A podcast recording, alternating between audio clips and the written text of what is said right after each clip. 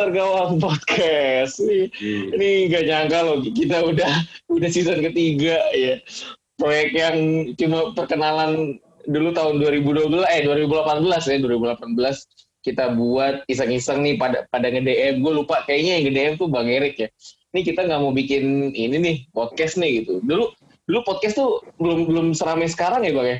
Belum, Belum, hype belum, sekarang belum. itu. Belum, udah ada. Belum. Sekarang tuh udah, Belum. udah banyak banget yang main podcast, cuman memang eh, kita eh, terbilang cukup konsisten ya gitu karena memang eh, ini sama-sama kita jalanin, sama-sama kita senangin juga.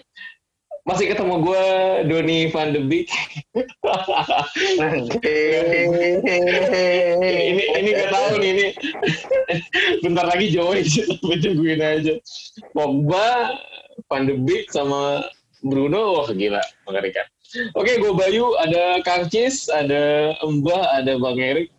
Ini mukanya kelihatan semua. Sekarang kita nggak cuma main di podcast, tapi insya Allah kita bakal hadir di YouTube juga. Makanya kita coba konsisten eh, tampilan muka gitu dan ngobrolnya juga lebih enak kalau ada muka gini kan. Eh, apalagi ya untuk FPL ini cukup menarik dan cerita dulu deh cerita dulu deh untuk musim lalu itu seperti apa sebelum kita mulai nanti eh, di episode berikutnya kita akan bahas mengenai game 1 tapi episode sekarang kita mau bahas FPL secara general dan apa aja yang mungkin beda eh, di FPL musim ini gitu dan apa aja yang kita dapat eh, pengalaman atau pelajaran di FPL sebelumnya dari Mbah dulu yang jauh nih gini gimana kabarnya Mbah? Nih di mood semua ya Kang ya? Di onin semua nggak apa-apa kan? Sehat, sehat. Sehat, Om. FPL musim lalu gimana Mbak menurut lo Mbak? FPL musim lalu ya rame sih, semakin rame, terutama di Twitter ya. Banyak liga-liga yang berhadiah besar, banyak kabur juga ada. tapi untuk timku sendiri sih, ya awal musim lumayan, tapi menjelang akhir memang merosot ya, kehabisan bensin. Ya harapannya musim ini bertolak belakang dengan musim kemarin. Gue inget di di akhir-akhir musim memang kayaknya dirimu banyak minus ya Mbak ya. Lah, kayaknya beberapa kali minus 8 ya kalau nggak salah. 4 8 tuh udah, udah biasa. Hmm, iya awalnya blunder itu sih karena meremehkan Dani Ings-nya Kang Cis dan Fatinya Pak Erik. Iya, iya memang Fardin Sempat satu jutaan saya, Om. Biasa Sempat satu jutaan ya. Hmm. Tapi a- endingnya di Sempat satu, satu jutaan rankingnya ya. Akhirnya di 200 di Samsu 234. 234 K. 234 Oke, di Samsu. Thank, thank you Mbak, thank you Mbak. Sharingnya Mbak. Ini kita ke Bang Erik nih, salah satu yang senior di eh, Mista Gawang dan di FPL Indonesia. Gimana kabarnya Bang? Aman, baik-baik aja. Aman, baik-baik aja. Apa yang, yang eh, hal menarik di musim lalu nih, sebelum kita eh, lanjut ke musim sekarang? Hal, hal, menarik mungkin ya pasti karena kita sempat ada restart pandemi itu ya. Itu gue rasa mungkin belum tentu 10 tahun lagi kita nggak akan ngalamin hal yang sama lagi gitu. dan yoi, dan kayaknya banyak juga kalau gue lihat di Twitter ya eh, manajer-manajer yang kayak dapat second chance gitu loh di abis restart. Jadi banyak tuh yang eh, di awalnya sebelum restart posisinya biasa-biasa aja, pas restart langsung ngebut gitu ya. Langsung panah hijau terus sampai habis. Kalau gue sih musim kemarin secara overall, overall rank itu OR terbaik gue sih selama gue main. Kalau gue ngeliat gue lagi ngeliat di game week history-nya nih, biar ada bahan buat ngomong ya. Iya. Kayaknya Berapa kemarin? Oh ya. 83 ribu. Wah, paling gede kayak di antara kita semua ya. 83k. Nggak tahu. Sama lu lah. Enggak, gua, gua 152 kalau nggak salah, 152k. Itulah kira-kira. Jadi ya oke lah. So far so good. So far so good. Lanjut ke Kang Cis nih, Kang. Gimana Hmm. Kang? Lu FPL musim lalu kayaknya ini banyak-banyak eh, hal menarik yang dari Kang Cis nih. Apa yang menarik? Ya kalau musim lalu sih eh, startnya cukup itu ya, cukup menyedihkan ya. Eh, kalau nggak salah game week 3 apa 4 itu stabil di tiga juta eh dua jutaan dua jutaan. Lama tuh di dua jutaan. Game week eh, pas game week 11 belasan baru masuk ke satu jutaan. Itu cukup lama tuh satu jutaan. Akhirnya bisa tembus top satu juta dan akhirnya sih finish di 377 ribu. Itu sih untuk musim lalu memang uh, uh, salah dari awal sih. Game week 2 minus 4 game week 3 minus 8 itu udah udah kacau dari awal lah intinya. Tapi beruntung ya ketolong restart juga sih. Dengan adanya restart beberapa manajer yang di atas gue udah pada males nyusun ya gue naik pelan-pelan lah. Ya tapi alhamdulillah apa namanya tembus lah 2000 poin ya di 2182 gue soalnya pernah tuh di 2017-18 gue gak sampai 2000 tuh di 1990 ranking 1,2 juta ya jadi tidak terburuk lah walaupun uh, cukup parah ya di 377. Ya semoga tidak terulang lagi lah di musim ini. Oke oke. Gue tadi sama kayak Bang Erik, gue sempat uh, lihat uh, game history gue. Uh, gue main ternyata udah empat tahun ya ternyata. Uh, secara dari email ya empat tahun di tahun pertama gue main tuh 200 ribuan kalau nggak salah. Terus uh, tahun kedua drop. Itu yang gue udah mulai kena minus-minus tuh sampai terkenal kita minus semua segala macam. Itu drop sampai 2 juta apa 3 juta tuh gila itu. Terus eh, tahun berikutnya drop juga sampai 1,5 apa 1,9 lupa. Sampai eh, apa Master Dead bilang wani peri wani peri cuman memang eh, musim ini belajar banyak ya belajar banyak. Selain memang eh, gak jauh-jauh dari hoki ya ya beruntung gitu. Maksudnya ketemu sama teman-teman yang banyak nih dapat insight semua segala macam gitu. Jadi kita saling sharing juga. Ya berkat Mister Gawang ini juga uh, akhirnya bisa menaikkan overall rank gitu. Sampai ke 152 ribuan gitu. Dan sebenarnya itu drop jauh sih. Maksudnya drop jauh dari dari ini. Dan mungkin dropnya itu salah satunya dari uh, restart itu. Jadi mungkin dari restart ada yang naik terus gitu nah gue salah satu yang turun gitu dan untungnya turunnya tuh nggak nggak nggak turun-turun banget cuman jadi pelajaran aja gitu pemilihan kapten uh, penting banget buat uh, kemajuan poin FPL kita. Wih, ah. nyiapin bridging kayak ini. Iya. uh, ya untuk untuk Mister Gawang sendiri di tahun ketiga ini uh, kita mencoba ada beberapa konten-konten baru ya mungkin uh, belum pernah ada di Mister Gawang tapi uh, kita mengadaptasi lagi dari uh, salah satu uh, akun FPL sesepuh di Indonesia dari FPL Ranger nih. Namanya Cakap. Iya, Ca calon kapten. Ini, ini ini bener loh pada saat dulu pas uh, ya awal-awal gue main FPL itu selalu nungguin cakap di Jumatan anjir ini kampret juga nguploadnya di Jumatan. Ikan peda cakap itu keluarnya di Jumatan dan ya itu memang jadi jadi jadi barometer ya, jadi barometer buat uh, kita. Wah, uh, ini lumayan menarik nih dan cakap itu juga uh, nggak cuma soal uh, feeling tapi ada analisis juga dan itu bagus gitu dan jadi kayak rangkuman gitu. Dan sekarang uh, di Mister Gawang sendiri akan kita jadikan konten. Jadi masing-masing dari uh, Mister Gawang eh, ada empat ya itu akan membuat cakapnya masing-masing gitu. Mungkin ada yang sama, tapi mungkin ada yang berbeda, tapi jelas uh, dengan alasan dan analisis yang uh, pastinya berbeda ya gitu.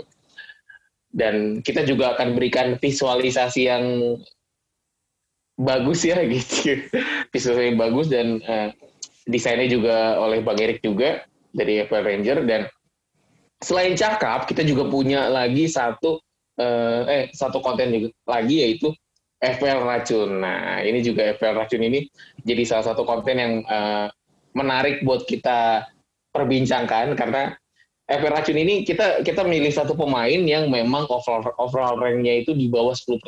Jadi 9% pas atau ke bawah dan itu memang uh, kita anggap sebagai diferensial kita dan di situ uh, cara kita bermain gimana caranya FPL Racun ini bisa mendapatkan poin di samping uh, cakap tadi gitu.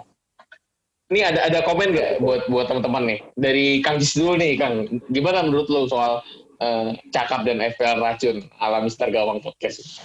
Ya, uh, mungkin nambahin aja. Menariknya sih untuk Boleh, boleh. untuk cakap dan FPL racun di Mister Gawang ini uh, setiap game week nanti kita berempat pilih ya. Kita berempat akan memilih siapa cakap kita masing-masing dan siapa FPL racun kita masing-masing. Uh, nanti di akhir game week uh, itu akan kita hitung, akan kita bertanggungjawabkan. Jadi kita uh, nggak cuma merekomendasikan habis itu ya udah kabur enggak. Kita lihat nilainya, uh, terus akan kita catat setiap game week siapa nanti ya uh, di akhir game week itu akan ada rapor ya, akan ada rapor atau klasemen uh, dari kita berempat. Nanti mulai kelihatan lah mungkin game week 8, game week 9 siapa yang paling ketinggalan itu udah mulai kelihatan. Nah, nanti ada punishmentnya ya. Lu, ngapain kayak di Twitter atau lu ngapain kayak di Instagram gitu. Poin terkecil ya gitu. Poin terbesar oke lah terserah lu, lu, lu mau uh, apa mau dapat apa ya tapi poin terkecilnya ada ada punishment nantinya. gitu. Ada lagi Sebenarnya kan? ini bisa Eh, Bang Erik, sebenarnya bisa jadi sebenarnya bisa jadi bumerang sih nih ya.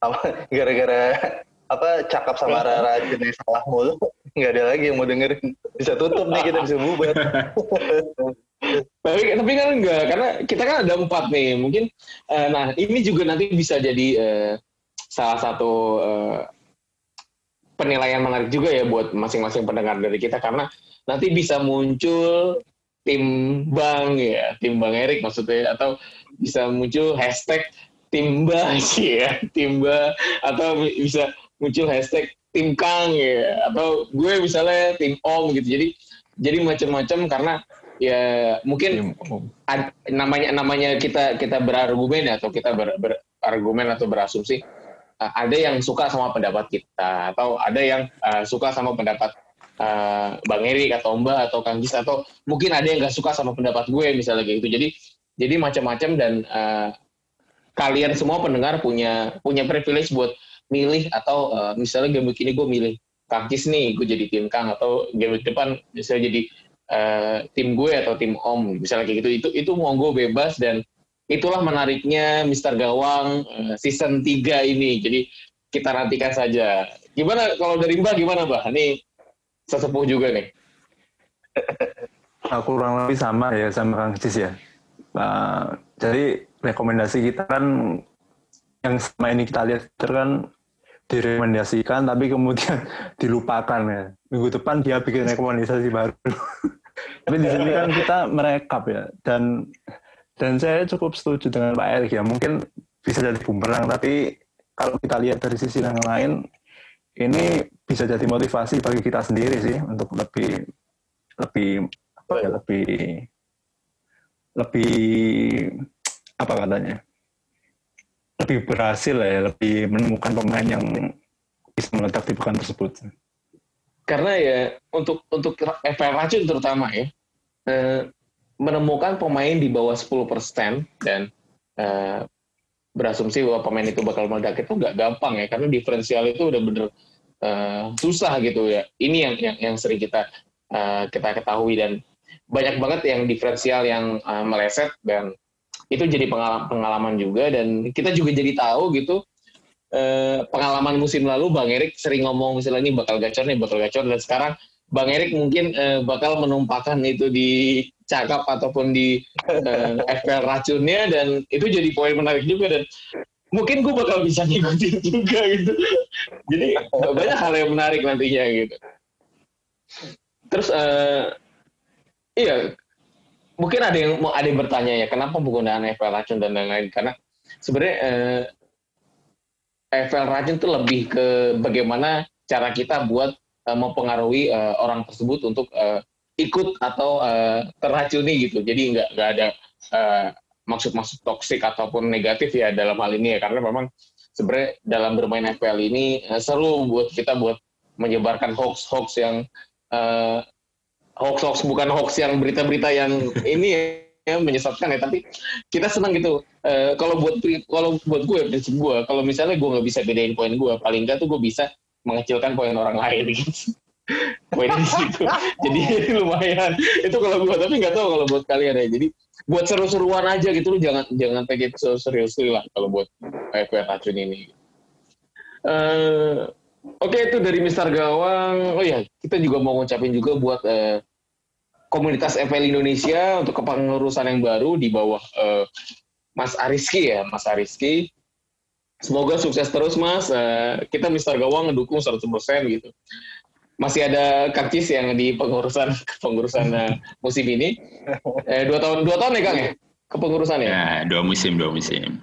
Dua musim, dua musim. Dan Jadi Ya. Kaki sudah bukan siapa-siapa lagi nih. udah bukan siapa-siapa. Ini sudah- Sudah lagi Gelatan, ya? saya. Kalau jalan-jalan udah nggak dikawal ya. Wah, Aduh, udah udah gak ada karpet merah ya Kang ya. Udah gak bisa reimburse lagi Kang ya, reimburse Bang. ya. Terus eh, untuk Kopli, oh iya, ya jangan lupa untuk eh, untuk menggunakan eh, aplikasi karya anak bangsa untuk FPL sendiri kita juga punya namanya Tactical Football Fantasy.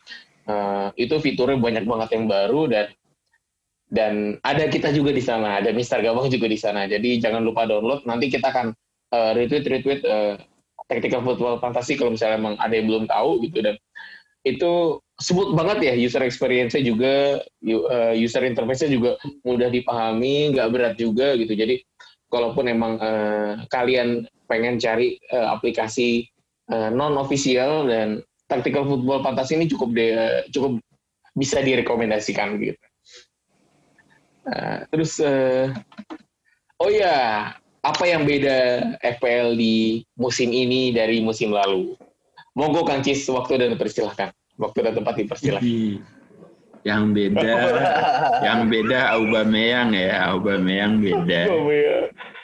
Ya itu sih kalau s- yang paling menonjol adalah bisa-bisanya Aubameyang ditaruh di mid.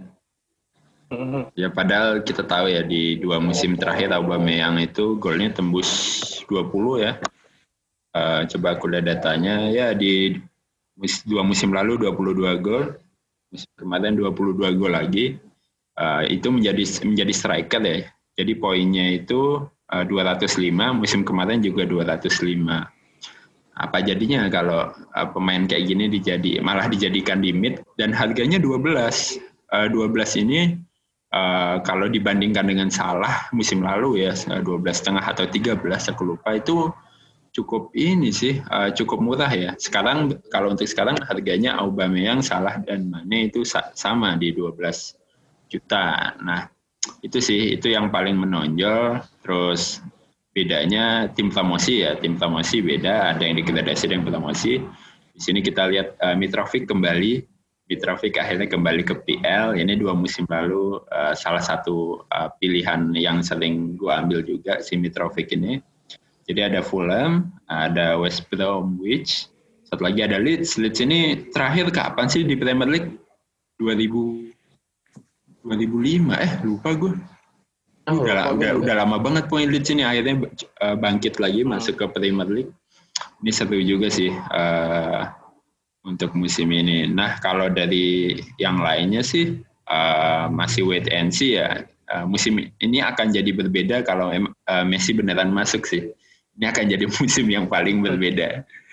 Ya mungkin uh, Messi harganya 15, ya nggak tahu lah tim kalian jadi kayak gimana itu strukturnya berantakan. Hmm, ya menarik sih. Um, ini kita masih masih kita tunggu untuk uh, kejelasan status Messi ya. Jadi pindah nggak? Kalau nggak jadi ya ya udah. Baguslah sih. Sebenarnya uh, gue suka-suka aja kalau Messi ke City. Cuman secara FPL jadi tim yang udah gue susun jadi kacau sih. Males banget sebenarnya.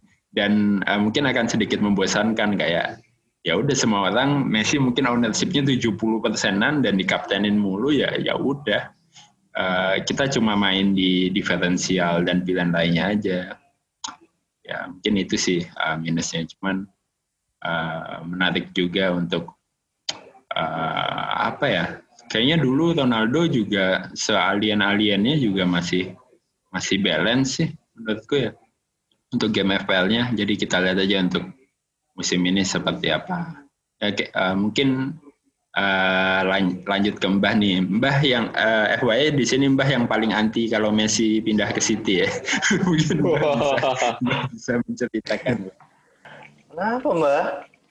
Iya. Mbah. Iya, iya, iya, benar, benar.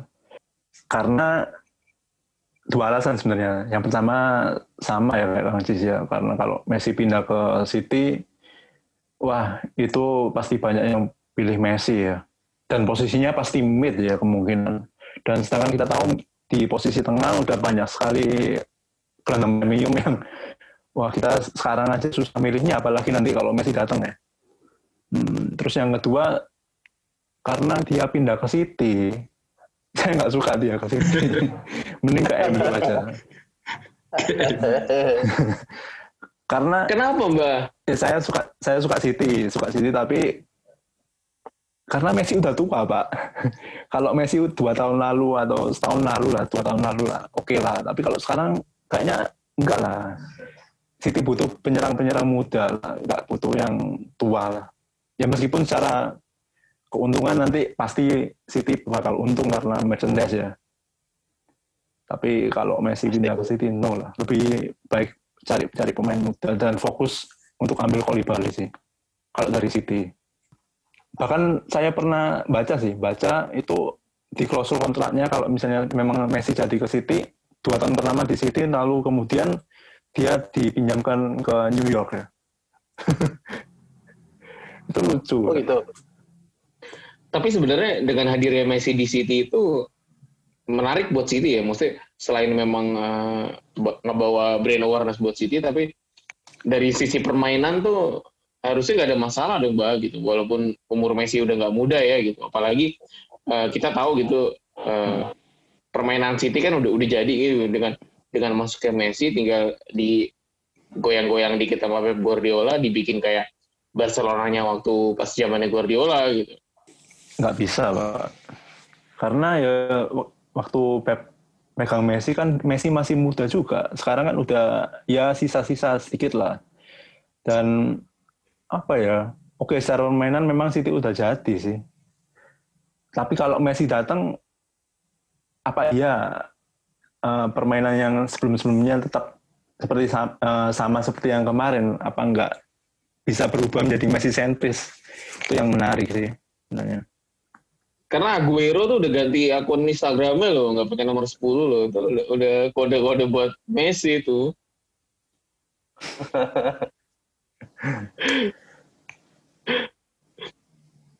Oh udah ganti dia?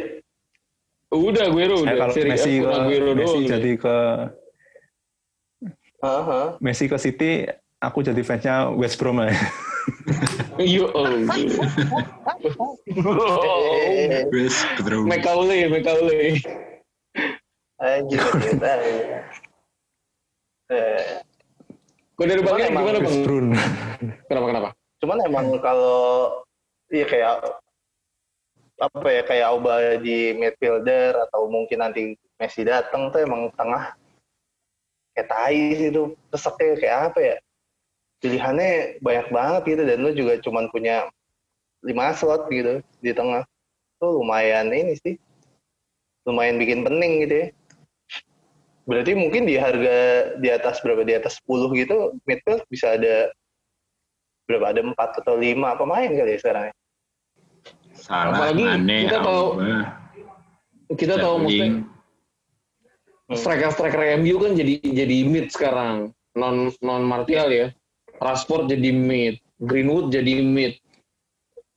Ya, padahal efek efek buat mereka apa? Efek permainan mereka kan ya lini depan gitu, walaupun di, apa dianggap mid gitu. Anggaplah Greenwood ya dengan harga ya walaupun kita kemarin sebut dia harga 4,5 terus naik naik naik jadi 5 juta anggaplah.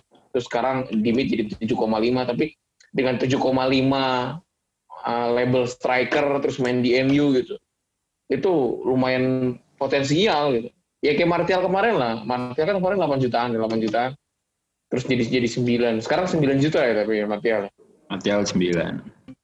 Emang menarik banget sih musim ini FPL gitu. Apalagi nanti ketambahan si uh, Messi misalnya gitu. Apalagi potensi potensi-potensi pemain yang masih bakal putar balik putar balik nih gitu. Kayak Grealish kan masih masih Grealish eh, masih belum tahu nih masa depannya gitu. Apakah bakal ke MU atau enggak. Terus belum lagi ada nama Jadon Sancho gitu. Dan di tim-tim lain ya kita tahu Willian sekarang di Arsenal gitu. Dan di Arsenal itu memang eh, permintaan asli Arteta dan udah pasti dapat tempat tuh kalau udah kayak gitu tuh. Dan proyek proyek proyek apa? Proyek buat Iya, iya. Arteta buat menuju Liga Champion dan ya menarik gitu di sisi Arsenal. Terus ya Chelsea juga kita tahu kemarin Werner juga. langsung langsung debut. Chelsea. Iya. Iya iya kok Werner kemarin langsung debut dan gol harga Werner tuh berapa? Delapan setengah ya? Apa delapan? Sembilan Sembilan, setengah. sembilan setengah. Oh sembilan setengah anjay mahal banget. Waduh, Steamen. Yoi. Pemain Chelsea ini ka- kalau kalau performanya sesuai dengan eh, apa historinya ya, history pemainnya di klub lamanya sih, ini bar- banyak yang jadi bargain sih menurut gua pemain tengahnya. Maksudnya buat dipadu padanin sama saya midfield yang eh, cuma yang kocak eh, midfielder high end-nya itu yang mahal-mahal ini ya, rata-rata kayak Mane sama Salah di satu klub yang sama gitu ya. Terus Sterling sama De Bruyne mereka di De satu klub Bruyne. yang sama. Jadi kemungkinan hmm, jadi emang peluang apa ya? Peluang eh Punya dua-duanya kayak susah ya saya bang. menurut gue akan sedikit akan jauh lebih besar sih ya. Peluang buat punya dua-duanya juga jadi susah gitu Yoi, karena harga, jadi peluang harga samanya- mahal gitu. Iya, heeh. Jadi menurut gue cukup menarik sih karena lu punya banyak pilihan gitu kan. Kayak di Liverpool lu punya Salah atau Mane gitu. Sekarang nambah nih di City lu mau Sterling apa eh KDB gitu. Terus tiba-tiba ada Auba menongol situ. Ini belum ngomongin Bruno-nya MU nih yang kemarin Iya. kepemilikannya cukup besar juga gitu. Hmm, di MU Ambil semua ya, set harga- piece. Iya, bener. Di MU kalau midfield lu milih kan antara Fernandes atau Rashford gitu. Menurut gue bakalan tetap terus seru aja sih, walaupun Messi datang. Mungkin semua bener sih, tapi semua orang akan punya Messi. Cuman bukan di bukan di Messi-nya yang menentukan jadinya kan. Di sepuluh Ya. pemain yang lainnya. Dan Exactly. semua orang punya semua orang punya kesempatan yang sama gitu. Jadi ya baik-baik aja sih gue bilang. Tiap tahun juga pasti ada gitu kan kita tiba-tiba kaget gitu salah harganya 13. Wah, salah nih.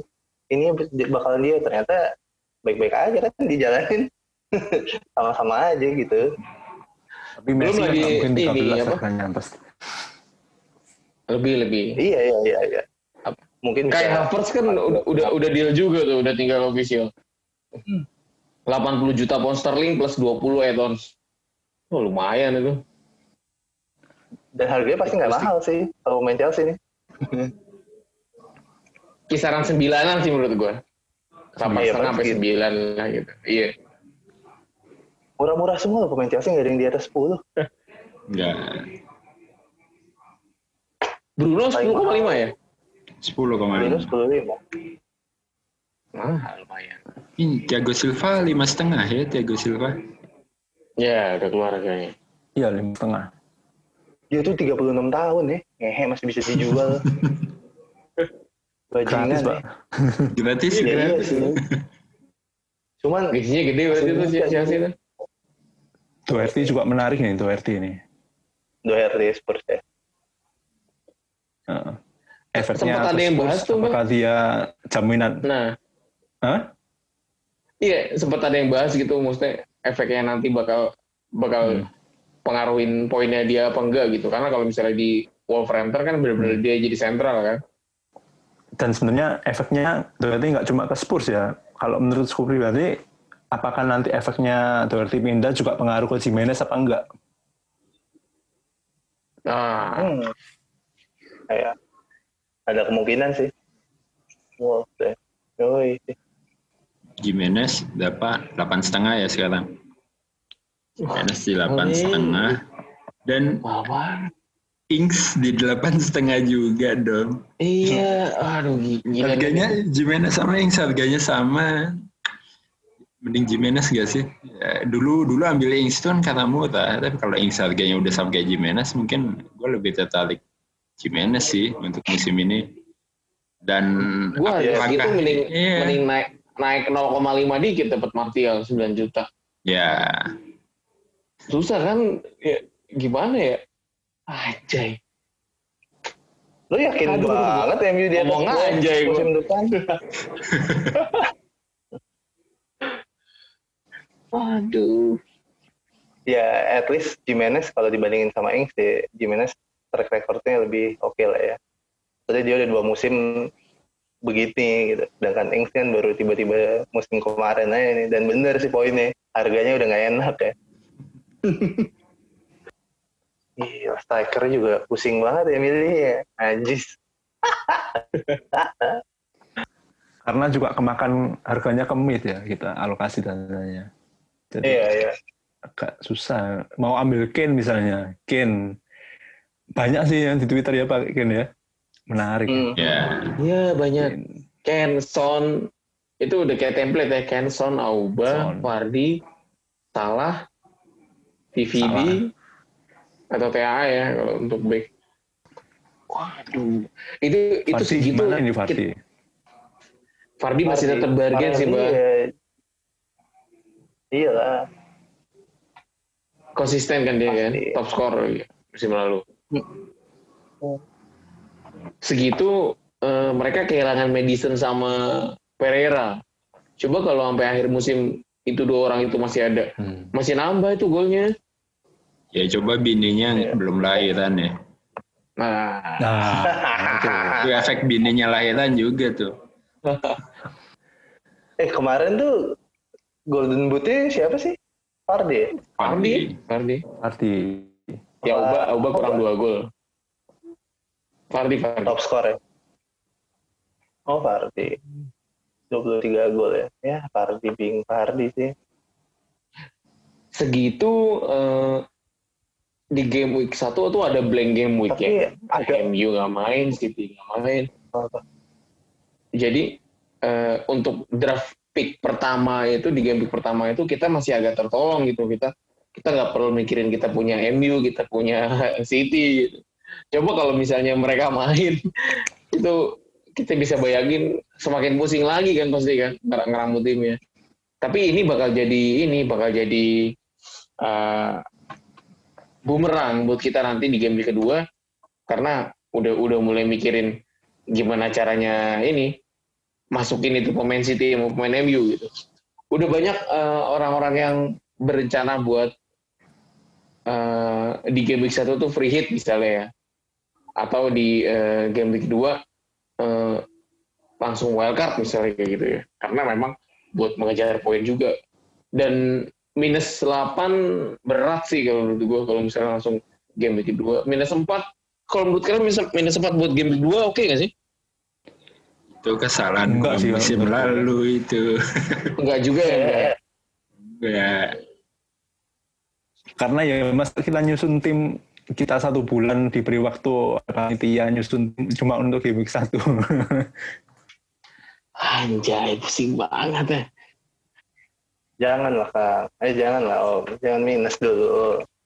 Iya, iya. Rasanya, rasanya tuh udah beda kok. Maksud gue eh, dengan lo nggak minus aja kayak otomatis overall rank lo tuh pasti jauh lebih baik gitu. Iya, lo nggak usah ngapa-ngapain aja deh ibaratnya. Gue lagi ngeliatin si Fardi sama Aubameyang ya.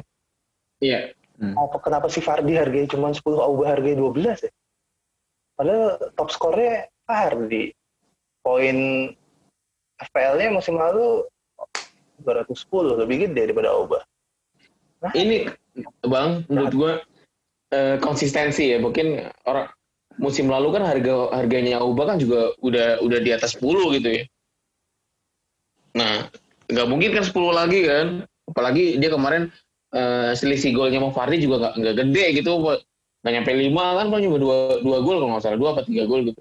Nah, kalau Fardi kan kemarin itu eh, di, di dua musim yang lalu kan jelek apa dia nggak terlalu bagus tuh Leicester karena mungkin main di Champions ya jadi terpecah konsentrasi dan segala macam nah musim ini mulai gacor lagi makanya naik dari harga 9 juta kan kalau salah jadi, jadi 10 kan Tapi kalau ngeliatin statusnya sih Iya, tiga musim terakhir golnya selalu di atas 18 gitu. si Vardy-nya ya Si Fardi, maksud gue sebenarnya sih dia nggak sejelek itu juga. Di, ibaratnya ini striker yang yang dalam semusim lo pede lah dia pasti di atas 15 gol tuh udah pasti lah. Udah nggak mungkin enggak gitu, pasti kena lewat 15. Cuman lo nggak harganya tuh menurut gue terlalu murah sih. Gini. Faktor tim juga mungkin Pak. Mungkin bisa jadi Karena timnya Leicester. tim. Ya. dua musim Karena terakhir dia takut- aneh loh padahal.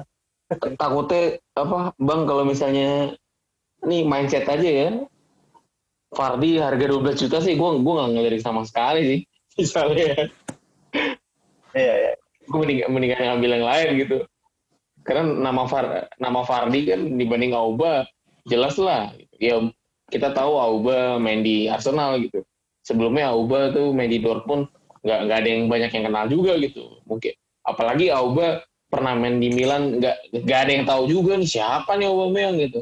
Dia kan baru mulai mencilat kan yang pas di Dortmund terus pindah ke Arsenal makin gede lagi. Mungkin kalau misalnya Fardi eh, berani pindah ke Big Four ya atau pindah ke Barcelona atau pindah ke Madrid lah. Nah, na- namanya kan mungkin makin bersinar lagi. Tapi bener kata Mbah karena karena mainnya di Leicester gitu eh, tim mediocre ya ya begitu gitu nggak nggak nggak terlalu eh, dipertimbangkan buat official level harganya bakal disamain sama eh, label-label pemain bintang lainnya gitu.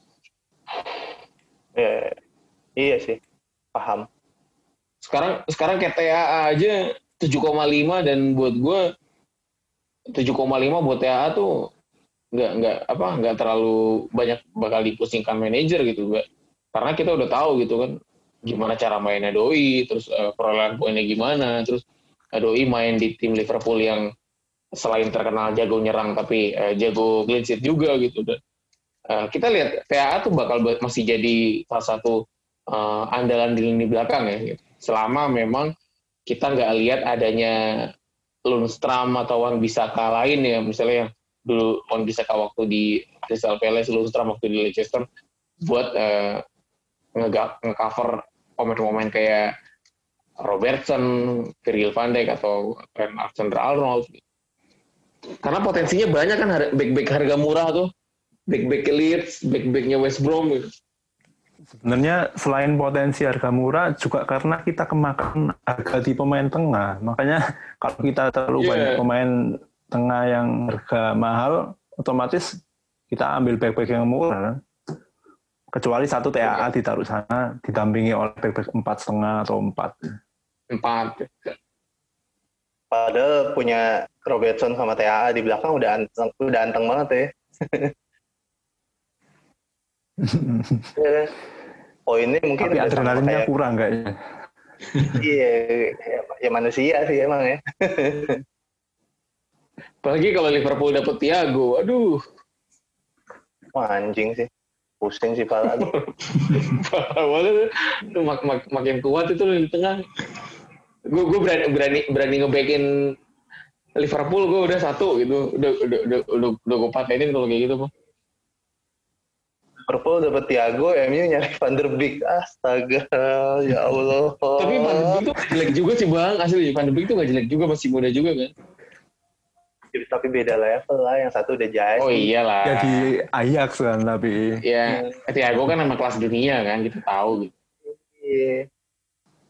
ya kita lihat aja Frankie De Jong main di Barca juga nggak yang mengkilat-mengkilat banget kan Belum. Ntar di bawah Kuman deh, gila tuh orang. ah, Kalau dia sih jago sih, kalau De Jong. Cuman maksudnya kalau The Big ya levelnya belum sama sama De Jong aja belum gitu.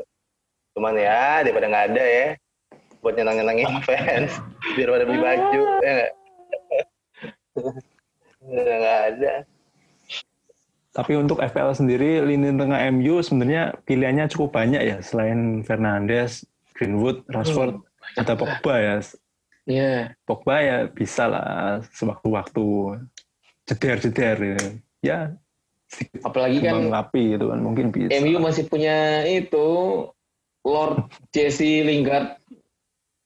Cing. Eh, itu itu kan gelandang juga mbak lu jangan jangan jangan lupain dong kemarin golin lo terakhir lo dia lo buat menutup.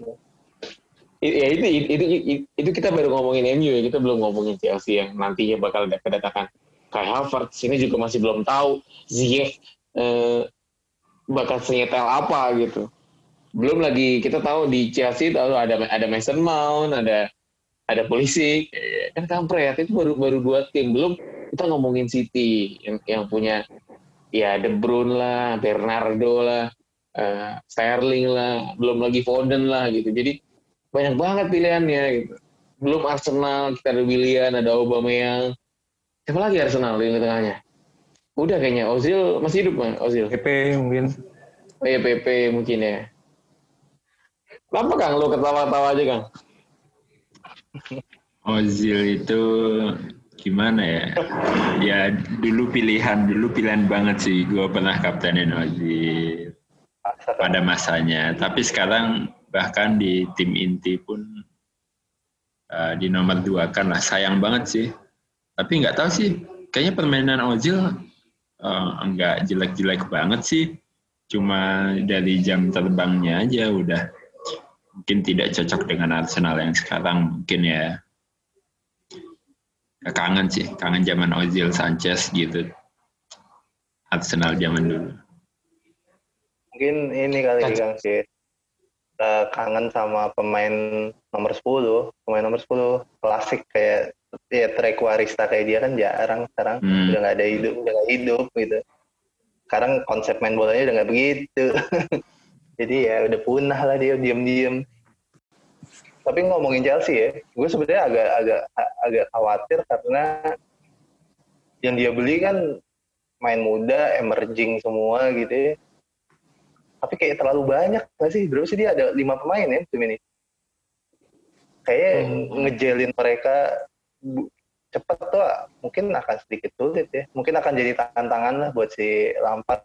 Apalagi belanja lima pemain berapa duit berapa ratus juta dolar eh, pounds.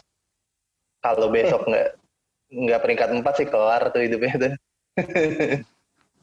Lo kemarin nggak punya duit. Iya, Silva, agak riskan. terus Zie, Warner. Havertz. lagi siapa? Havertz, Chilwell.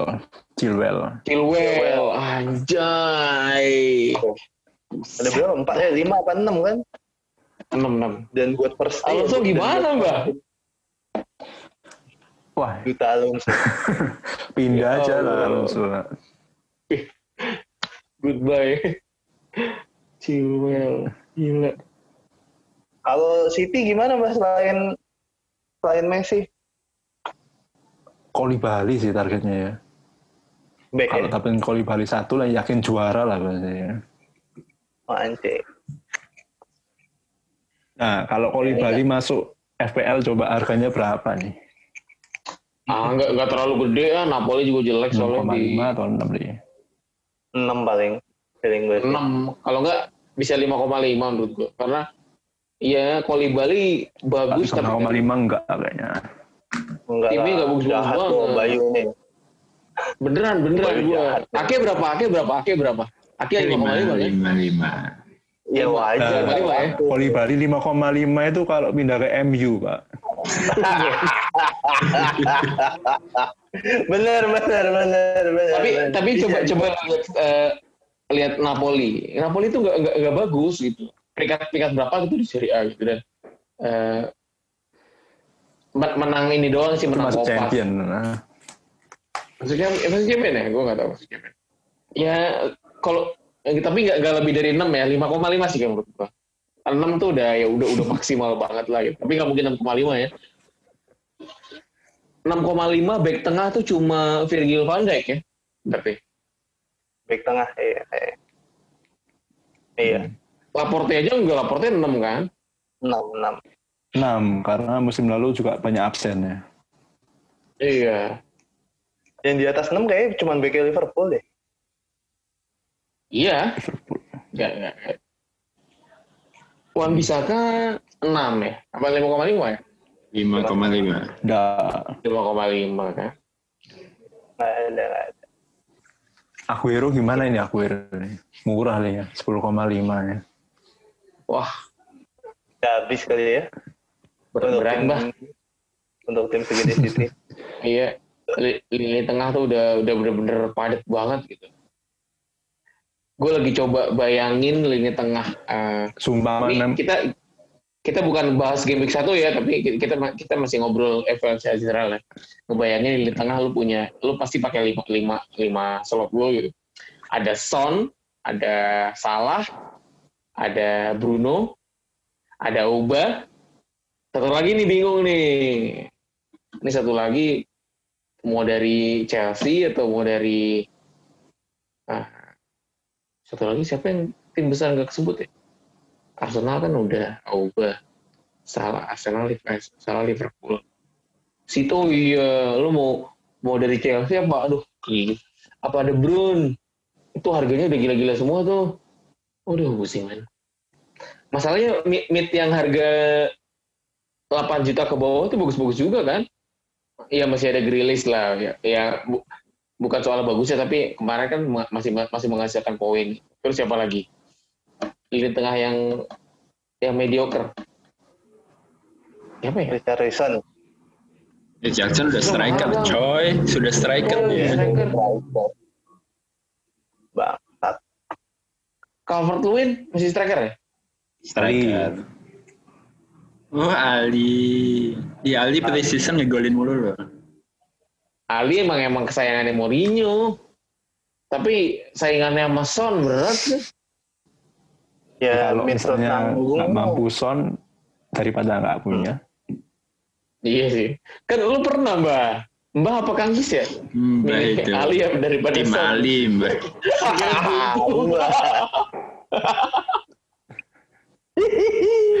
ya emang daripada nggak punya tapi mendingan nggak punya Tim sekalian. Ali ini. Pilih yang lain. Tapi di harga nanggung mungkin tinggal ngarepin midfieldnya Chelsea aja tuh yang banyak. Harganya nanggung semua. Mason Mount kalau ada Havertz tuh susah. Havertz tuh kreatif playmaker kan. Pasti Mason Mount Iya. agak belakangan. Main, jadi main di tengah. Hmm. gitu. Sama gelandang bertahan di Chelsea tuh Kante tuh mau dijual lah katanya. Cuman tahu deh. Si- Siapa lagi gelandang bertahannya ya? Ini ya, Jorginho. Jorginho. Jorginho. Jorginho. Kovacic. Ini lagi apa?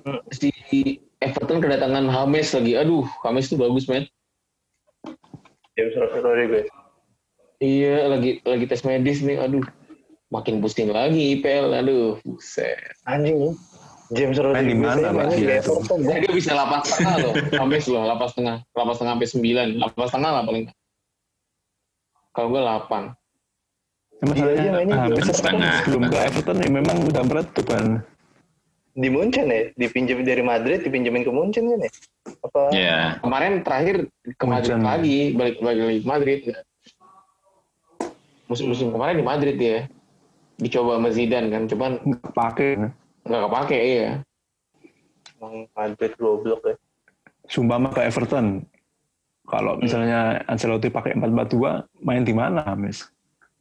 Dia kan masih Ya, bisa nyayap, Bang. Mm-mm. Tapi bukan yang larinya kenceng ya, tapi Ya. lebih ke stylish gitu. Hmm. Atau main 4-4-3 ya jadi winger juga dia. Kalau second striker Hmm. susah lah, udah udah ada apa dom dom terus ada Moisekin kan. Eh, Seru ya. lah jadi ngomongin FPL kayak podcast FPL aja gitu ya. Oh, iya. Ada lagi nih yang mau diomongin? Hmm, Kang ya? Cis katanya. Ngomong apa, Mbak? Mau undang-undang katanya. Mau ngundang-ngundang. Udah persiapan. Persiapan. ini apa pada pada ikut ini nggak apa kalau Barata Yuda kita ikut semua ya Ji. Akhirnya Mister Gawang berkumpul ya Pandawa. Pandawa, oh, Pandawa ya? Pandawa 45 ya? Pandawa. mantap. Kita lihat nih Pandawa 45 Liga buatan Mbah sama Om Selebes Yo, Tuh nggak ada sponsor masuk emang, Mbak? Gila. Pandawa ditolak menolak sponsor kami. Oh, menolak sponsor. Oh, mau mau coba memurnikan diri ya, memurnikan diri. musim ini menarik ya, musim ini menarik untuk eh, Liga FPL terutama gitu. Jadi kalau musim lalu kita mungkin ada liga yang zombie lah, terus eh, ya masih masih standar. Tapi musim ini eh, banyak gebrakan-gebrakan baru yang diramus sama ya akun FPL Indonesia juga. Ya ada ada UCL sama UL-nya Ala Zafiro itu menarik lah buat gue. Terus ada Battle Royale-nya Om Ayatullah itu menarik juga buat gue gitu. Dan ya jadi bikin apa ya jadi lebih menarik aja gitu. Nggak nggak kaku nggak cuma H2 atau H2H atau Liga Klasik gitu. Dan lebih variatif aja lebih variasi aja. Yang penting dijaga aja konsistennya karena liga kayak begitu kan manual ya dan ngurusnya tuh nggak nggak gampang gitu yang udah-udah awalnya semangat kesono-kesononya ambil betul karena karena kesibukan masing-masing ya karena kita juga nggak ada yang nganggur juga gitu dan ya semoga konsisten untuk liga-liga yang sudah berjalan gitu. Nih pada ikut battle royale nggak? Nih Bang Erik ikut nggak bang? Enggak. Oh lu nggak ikut ya? Gue kebetulan ikut last minute gue tuh. Aturan kita kalau ikut Kita- satu tim lah. Enggak ya? Enggak, Kang Jis sudah ikut duluan. Kang Bang Cis sudah ikut itu duluan. nyalip sendiri, Kang Cis itu. Iya. Oh, Bang. Kang Cis duluan ini. Mentang mentang reset gua. Direktur duluan. Tahu. Di- Direktur duluan. Ada yang nge-mention duluan ya udah kirain pada nggak mau. Mantan ketua Kofli. Iya. Rakyat biasa. Rakyat biasa bang. Iya, liga-liga sekarang makin rame banget sih menurut gue. ya. Mungkin eh, pengaruh juga ya karena sekarang kita udah bisa berapa sih? 25 ya? Udah- 25. udah bisa join ke, Lebih banyak. join ke 25 liga. Jadi orang apa makin banyak gitu yang bikin liga. Walaupun eh, gue selalu mencari liga yang nggak pakai syarat apa pun karena gue pemalas ya. Jadi mau hadiahnya segede apa, mau kenalnya sege- sekenal apa, kalau udah ada syaratnya banyak, maaf maaf deh, gue males. Jadi gue selalu nyari yang syaratnya nggak ada kayak Liga FL Rangers saya, model gitu lah. Sempat juga dikasih tahu sama Kang Cis tuh triknya, kalau mau pakai yang syarat ya, lu lu masuk aja ke liganya ya Kang Cis ya. Ntar kalau udah kira-kira lo mau juara, baru lo follow-followin. kalau nggak juara ya ngapain lo follow? Bener, bener. Yo, eh. Eh, ini Cis Oh pakai iya ya. Kok boy ini Tai sih lo kan. Mbak, bangsat. Jadi ini di record lagi. Waduh, ntar banyak yang ikut ini. Pak boy nih, Pak boy nih Kang Cis nih kacau. Boy, sama Boy. FPL nih, wah gila. Enggak, enggak, enggak. Tips rahasia. Gokil, gokil. Nggak rahasia sekarang. Tapi tapi ben, tapi bener nih, karena ya buat buat gue ya, buat gue pribadi ya, gue sekarang mikirnya ah percuma gue mau ikut-ikut liga sebanyak apa pun gue nggak akan juara gitu karena lawannya nasional semua segala macam cuman ya namanya rezeki nggak ada yang tahu ya gitu tapi kalau gue pribadi gue juara tuh cuma di liga-liga internal yang emang gue kenal aja gitu ya misalnya yang yang anggotanya teman-teman kuliah gue atau teman-teman SMA gue gitu. Jadi jadi yang udah ketakar misalnya wah kayaknya bisa nih gue menang gitu.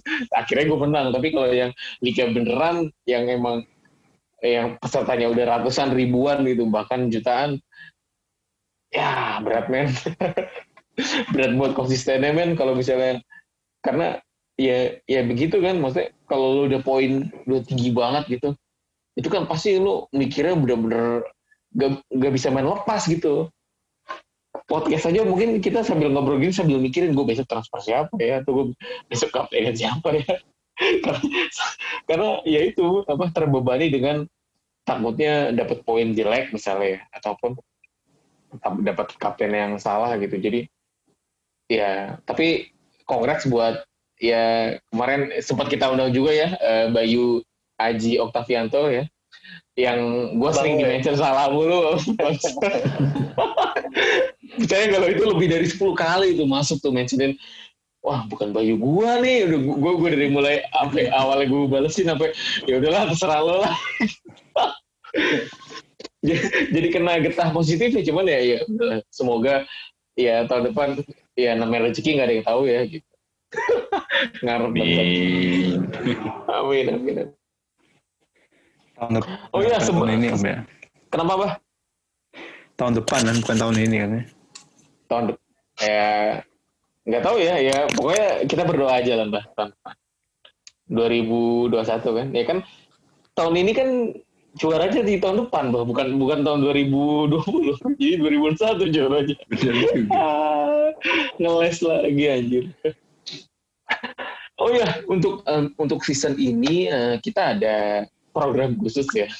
Jadi kalau misalnya kalian memang eh, senang sama konten kita senang sama eh, obrolan kita senang sama apa-apa yang kita omongin gitu eh, kita membuka dengan eh, tangan lebar tangan terbuka eh, sodako sodako anjir sedekah atau saweran buat penyemangat kita juga dan eh, buat teman minum kopi kita juga gitu dan itu eh, sifatnya sukarela jadi eh, kita sangat apresiasi sekali kalau misalnya memang ada teman-teman yang eh, mau menyumbangkan eh, buat konten-konten kita lebih kreatif dan lebih semangat lagi gitu. Terima kasih banyak.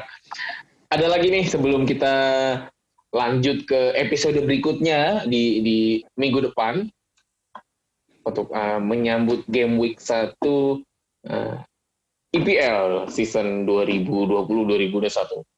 Dari Kang Jis mungkin ada Mbak? Ada Kang? Mau ditambahin? Oh iya, sorry, sorry. Gue potong. Di musim depan itu kick, kick off apa? Deadline-nya tuh nambah 30 menit ya? Jadi 90 menit. Bener nggak? Nah, 90 menit sebelum kick off yang Itu- pertama. itu lumayan trigger tuh kalau misalnya kita dapat de, apa dapat deadline jam 6 karena sore tuh gue sering banget ke kelepasan gitu. Kalau malam gue gue sering ini tapi sore tuh kelepasan dalam artian mungkin kita udah ini ya kita udah udah ngeramu ya ngeramu eh, dari malamnya ataupun dari paginya kalaupun emang deadline sore. Tapi namanya sore kan siapa tahu kita dapat eh, racun-racun nih Cie. buat ngerubah-ngerubah nih. Kalau misalnya deadline agak lama dikit kan masih bisa berubah pikiran semua segala macam. Tapi kalau misalnya deadline makin dipersempit lagi nah, ini berat dan ini mungkin mungkin jadi akan jadi kebiasaan baru gitu. 90 menit sebelum kick off. Ingat ya 90 menit sebelum kick off. Mau gue kan lanjutin kan Ya berkaitan sama yang tadi yang musim lalu mengandalkan early team news ya siap-siap ya. Eh, karena akan semakin sulit. Biasa early team newsnya munculnya kan eh, sekitar 15 apa yang lama? Atau 10 menit sebelum eh, team sheet-nya keluar itu satu jam sebelum kick off. Nah dengan kick off-nya di eh sorry eh, deadline-nya dimajuin kayak gini eh, mungkin akan ya mungkin macam FPL Rockstar itu nggak tahu ya masih bisa mendapatkan tim news nggak ya? Tapi ya kemungkinan kecil sih. Jadi apa ya eh, positifnya ya cukup cukup fair sih untuk musim ini untuk teman-teman yang nggak punya akses ya nggak tahu kalau ada atlet tim news segala macam ya cukup adil sih eh itu aja sih kalau untuk musim ini bagaimana kita main FPL-nya ya udah Uh, ini kita mulai dari nol ya. Kita mulai dari nol. Uh, poin kita dengan poin peringkat satu nantinya itu sekarang posisinya sama. Jadi kem, uh, kem, apa ya? Peluangnya masih sama untuk game week satu ini. Cuma ya nanti juga- seiring berjalannya game week gitu kayak tahu-tahu selisihnya udah 200 300 ya. udah udahlah lupakan. Ya tapi ya itu uh, kita mulai uh, dari nol masih sama poinnya jadi semua masih punya peluang uh, ya udah semoga musim ini jadi musim terbaik untuk kita semua lah bandingkan Amin. musim-musim sebelumnya. Dari Bang Erik ada tambahan Bang? Hmm, nggak ada lah. Ntar udah lah, Kang Kis aja yang ngomong udah. Nggak usah lah. Dari Mbah mungkin Mbah mengenai program Ah, ya. sedekah kita Mbah. Mungkin caranya Om gimana Om kalau yang Caranya. Monggo dari Kang Cis. Gimana caranya Kang? Kan, Mungkin lagi kan? Jualan. Emang udah Kang Kis aja. ya. Ya jadi kita mau ala-ala Patreon sih kalau yang tahu ya, yang tahu Patreon itu mungkin di Indonesia belum ada, tapi uh, kita nanti ada ada platform lah, ada platformnya. Uh, nanti mungkin uh, kita akan cantumkan linknya, URL-nya di entah di Twitter apa di mana ya. Ya udah nanti di situ teman-teman silahkan mengisi nominalnya ya terserah ini namanya juga donasi silakan mengisi terus ya silakan uh, lakukan pembayaran. Uh, kalau yang aku coba sih ya potong saldo elektronik sih misal uh, GoPay, OVO gitu-gitu. Jadi oh, bisa ya. bisa ya, jadi nggak bukannya transfer gitu enggak. Emang Lebih mudah ya. Lebih mudah karena mungkin nominalnya juga kecil-kecil ya. Mungkin kayak seribu, dua ribu. Ayo, ayo, ayo. gitu kan masa transfer ya lewat GoPay aja lah. Iya Kembalian sih. kembalian GoPay. Nah, sebenarnya ini momen juga buat eh, buat pendengar nih ya, yang atau siapa pun yang mengkonsumsi konten kita. Nah, lu jadi punya ini nih, jadi punya chip sendiri kalau lu nyumbang, kalau lu donasi. Lu bisa marah-marahin kita kan kalau kalau salah, kalau bener, iya nggak? Nah itu. Woi, bangsat lu kerja yang bener bikin. Iya. Tahu lu udah bayar udah deh. sumbang Oh, iya, iya. Itu hak ya boleh ya. Ya mereka berhak lah. Kalau yang nggak bayar tapi banyak cincong kan tai lah. Gak usah. Gak usah didengerin gitu. Biarin aja. Iya ya baru kepikiran. Oke oke oke oke. Oh iya, eh, mungkin tadi eh, di awal gue lupa udah jelasin apa belum. Eh, untuk season ini mungkin eh, kita nggak cuma ada di podcast, eh, Spotify, tapi kita juga ada di YouTube. Wih, bisa gawang punya YouTube gitu. Makanya kita coba eh, interaksi eh, melalui eh, video juga gitu. Jadi eh, biar kalian mungkin eh, tahu gimana cara kita ngobrol, gimana cara kita berekspresi gitu mungkin. Karena kalau dari eh, Twitter ya ini ini anggapan gue pribadi ya. Kalau dari Twitter mungkin misalnya Mbah nge-tweet apa gitu, tapi eh, lu nggak tahu nih eh, maksudnya Mbah itu Mbah tuh punya kegelisahan apa dari tweet tersebut. Kalau kalau sekarang kan lu lihat cara ngomongnya Mbah gimana, terus cara ekspresinya Mbah gimana gitu. Jadi lo tahu nih kira-kira Mbah serius apa enggak nih atau ini Mbah lagi ngapain nih? Karena kalau kata kan nggak berbicara ya, tapi kalau uh, wajah gitu, terus suara itu bener-bener uh, mewakili gitu perasaan dan kita bisa tahu lagi misalnya Mbah lagi merekomendasikan atau uh, lagi memberikan pendapat mengenai pemain mana nantinya itu bakal kelihatan langsung dari uh, wajah atau mimik muka dari si Mbah gitu. Begitu yang gue pelajari dari uh, cara membaca wajah seseorang. Waduh. Kita lihat Mbah review Mbah FPL. Oke, ada lagi teman-teman? Sebelum kita sudahkan di episode 0 ini. Ya Mbak, semoga di ep- di episode-episode selanjutnya ini Mbak lampunya tetap hidup ya Mbak. Wih, enggak enggak enggak gelap. Ini mantap nih, cerah. Iya, cerah cerah. Berarti habis bayar listrik nih kayak lampunya dinyalain. Masih awal bulan soalnya. awal bulan Yo. pakai token kita Pakai token lanjut. Oke, se- sebelum pamit, eh, terima kasih banyak buat teman-teman yang sudah mendengarkan. Eh, jangan lupa kritik dan saran langsung ke eh, Twitter kita yang akan mulai diakti- diaktifkan kembali at Mister Gawang Pot gitu. Jadi langsung aja ngobrol di situ, kasih saran di situ ataupun mau interaksi dengan kita atau mau mention masing-masing dari kita juga nggak apa-apa gitu. Eh, mungkin Om Bayu Yep. Kalau di kalau mau saran nggak apa-apa. Cuma kalau mau kritik harus donasi dulu. Itu sih. Oh itu dia poinnya. Berapapun kita terima. Nah kalau misalnya udah, Iya. udah ngasih donasi, mau kritik, monggo. Bebas. Mau marah-marah juga monggo. Misalnya Iya, gratis Bayu goblok misalnya, nggak apa-apa gitu. Penting udah nyumbang. Iya. Tapi kalau lu ngatain Om Bayu goblok, lu belum nyumbang, jangan gitu. Nggak boleh. Boleh. boleh juga boleh. Marketingnya hebat. Eh, sampai jumpa di episode Mister Gawang season 3, episode 2, episode 2, eh, episode 1 Mister Gawang season 3.